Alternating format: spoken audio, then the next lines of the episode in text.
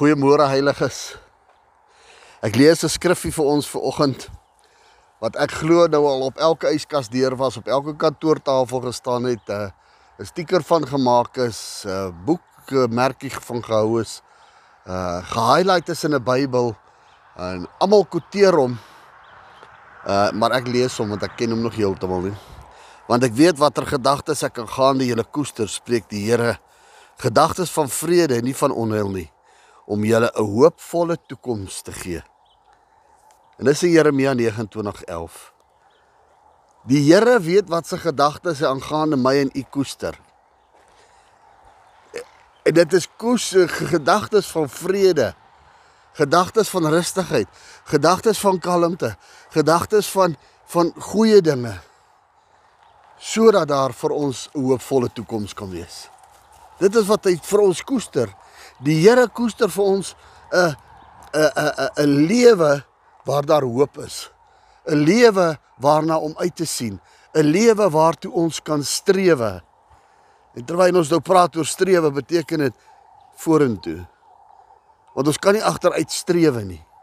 Alhoewel ons optredes van mense baie keer die optrede is van iemand wat agteruit gaan. Want ons hou ekskuus tog hoor vir mooi. ekskuus tog. Ons hou vas aan die verlede. As ons met mense praat, dan praat hulle oor die verlede. As ons by, vir mense begin uh help om om in Jesus te begin te te wandel, dan hardloop hulle in die verlede. Jy sien wat ons ons is so geprogrammeer al deur die wêreld se se toestand En, en nou praat ek sommer in in algemeen oor die wêreld se toestand. Laat alles vir ons gaan oor oor wat gebeur het. O, ou by my ingebreek. O, die kar het gebreek. O, die al alles het klaar gebeur. Terwyl Jesus Christus sê in sy woord dat hy vir ons 'n lewe het van hoop, iets van die toekoms. Dit wat voor ons lê, want ons sit vasgevang in die verlede. Gebeur daar iets in die verlede? Ja, daar het dinge gebeur. Dit het klaar gebeur. Ons kan niks aan dit doen nie, maar ons kan uitreik na die vorige toe, na die vorentoe. Na die die nuut, die toekomstige dinge wat op pad is. Maar omdat ons so baie vashou aan die verlede, is dit besig om ons siel en ons emosies te treiter en op te voeder. Ons gaan dood in onsself omdat ons vashou in die verlede. Ons bly in die verlede.